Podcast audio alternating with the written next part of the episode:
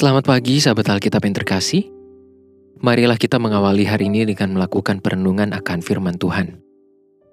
Bacaan Alkitab kita pada pagi hari ini berasal dari kitab 1 Samuel pasalnya yang ke-21, ayatnya yang pertama sampai ayatnya yang ketujuh. Sampailah Daud ke Nob kepada Ahimelech, imam itu. Dengan gemetar, Ahimelech pergi menemui Daud dan berkata kepadanya, Mengapa engkau seorang diri dan tidak ada orang bersama-sama dengan engkau? Jawab Daud kepada Imam Ahimelek. Raja menugaskan sesuatu kepadaku, katanya kepadaku. Siapa pun juga tidak boleh mengetahui sesuatu dari hal yang kusuruh kepadamu dan yang kutugaskan kepadamu ini. Sebab itu orang-orangku telah kusuruh pergi ke suatu tempat. Maka sekarang, apa yang ada padamu? Berikanlah kepadaku lima roti atau apa pun yang ada.' Lalu jawab imam itu kepada Daud, Tidak ada roti biasa padaku, hanya roti kudus yang ada. Asal saja orang-orangmu itu menjaga diri terhadap perempuan. Daud menjawab imam itu katanya kepadanya, Memang, kami tidak diperbolehkan bergaul dengan perempuan seperti sedia kala apabila aku maju berperang. Tubuh orang-orangku itu tahir, sekalipun pada perjalanan biasa, apalagi pada hari ini. Masing-masing mereka tahir tubuhnya. Lalu imam itu memberikan kepadanya roti kudus itu, karena tidak ada roti di sana kecuali roti sajian.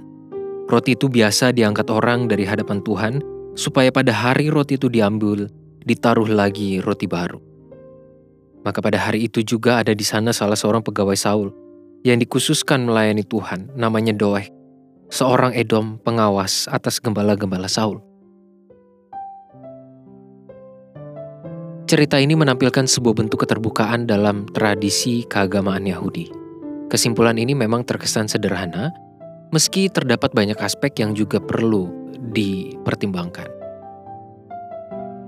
Pada ayat 6 kita melihat Imam Ahimelech memberikan roti sajian, sebuah roti kudus yang biasanya digunakan dalam ritus perayaan sabat dan tidak dapat dimakan secara sembarangan.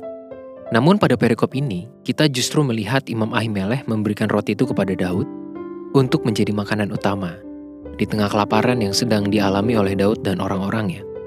Tindakan ini tentu dapat dimaknai secara teologis dalam berbagai perspektif, termasuk dalam sudut pandang mesianik. Misalnya, bagaimana roti itu menjadi simbol kerajaan Allah yang merasuk ke dalam diri Daud sebagai pemenuhan janji tahta kerajaan Daud dan nubuatan mesianik dari keturunan Daud.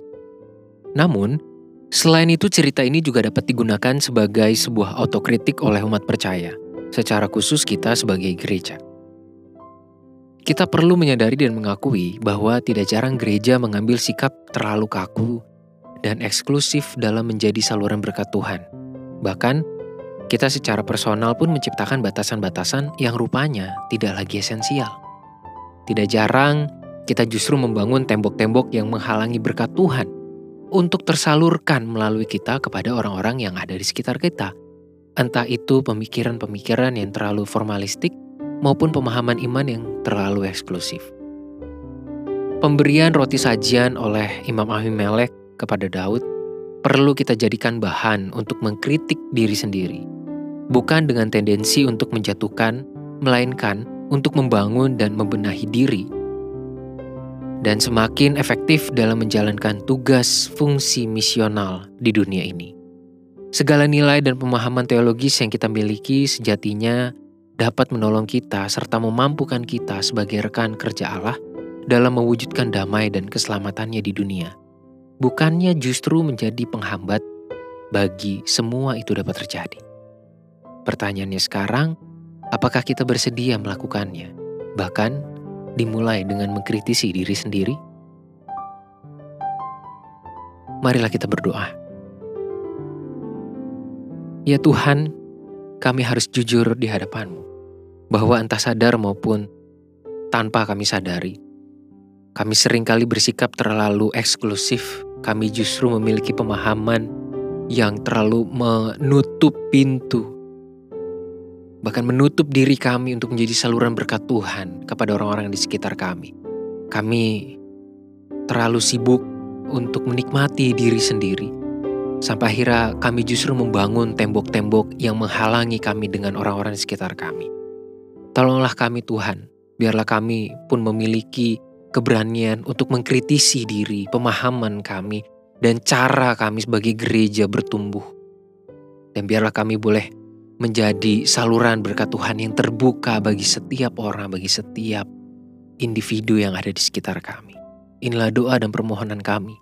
Hanya di dalam nama Tuhan Yesus kami berdoa dan memohon. Amin.